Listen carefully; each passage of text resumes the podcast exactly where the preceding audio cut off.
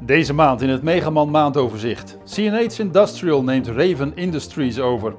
Husqvarna introduceert Seora robots en Belarus toont eerste autonome trekker.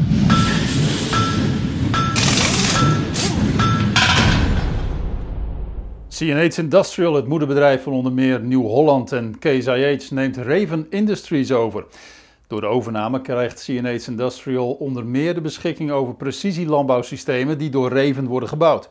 CNH en Raven Industries werken al langer samen. Naast de precisielandbouwtak neemt CNH ook de afdelingen Engineered Films en Aerostar van Raven over. Engineered Films produceert onder meer landbouwplastic en Aerostar maakt apparatuur voor de lucht- en ruimtevaart. Door de overname is CNH ook eigenaar geworden van de Canadese robotfabrikant DOT.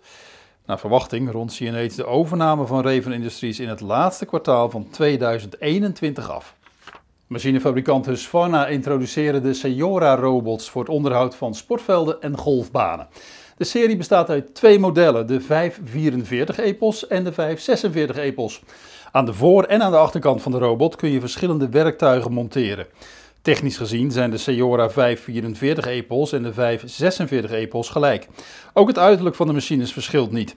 De software is wel anders en zorgt ervoor dat de 546 Epos iets harder kan rijden en dus meer capaciteit levert. Husqvarna wil binnen enkele jaren meerdere werktuigen aanbieden, zoals een beleidingsmachine, een grasrol, een kunstmestrooier en een werktuig voor het verzamelen van golfballen. Voorlopig levert Husqvarna de Seora's alleen nog met een maaidek. De Seora bepaalt zijn maairoute met behulp van het EPOS RTK GPS-systeem. De robots zijn naar verwachting begin 2022 verkrijgbaar. De goedkoopste versie, de 544 EPOS, kost 24.900 euro. Zijn broertje, de 546 EPOS, kost 28.900 euro.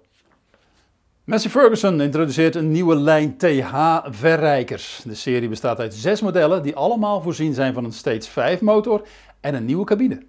De machines hebben 3,4 liter 4-cilinder Eco Power motoren. Het vermogen van de drie kleinste modellen is 73,4 kW, dat is 100 pk, en 99,2 kW, dat is 135 pk, bij de drie grootste.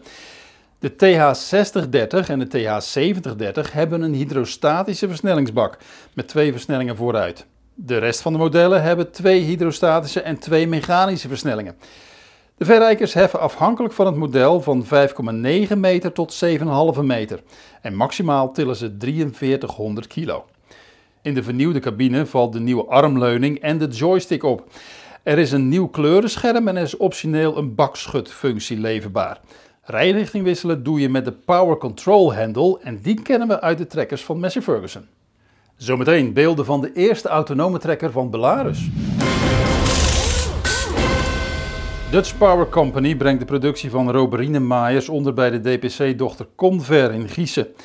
De Votex-productie verhuist naar Middelburg. Volgens Michel de Vries, directeur van de Dutch Power Company, was het pand in Enschede te groot geworden voor de huidige productie.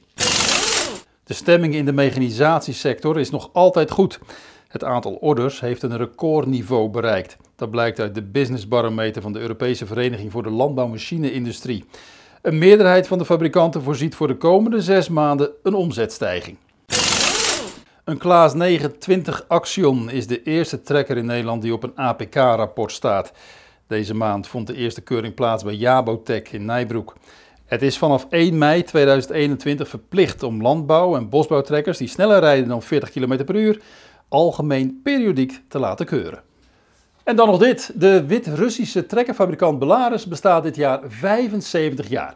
En tijdens de viering van dat evenement liet de fabrikant een prototype van de eerste autonome trekker van het bedrijf zien. De 3523i is gebaseerd op de Belarus 3523 die het bedrijf vorig jaar introduceerde.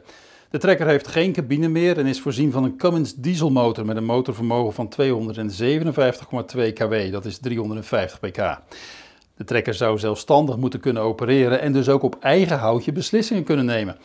Zodra bijvoorbeeld de brandstoftank van de trekker leeg dreigt te raken, rijdt de trekker naar een van tevoren aangewezen plaats om bij te tanken.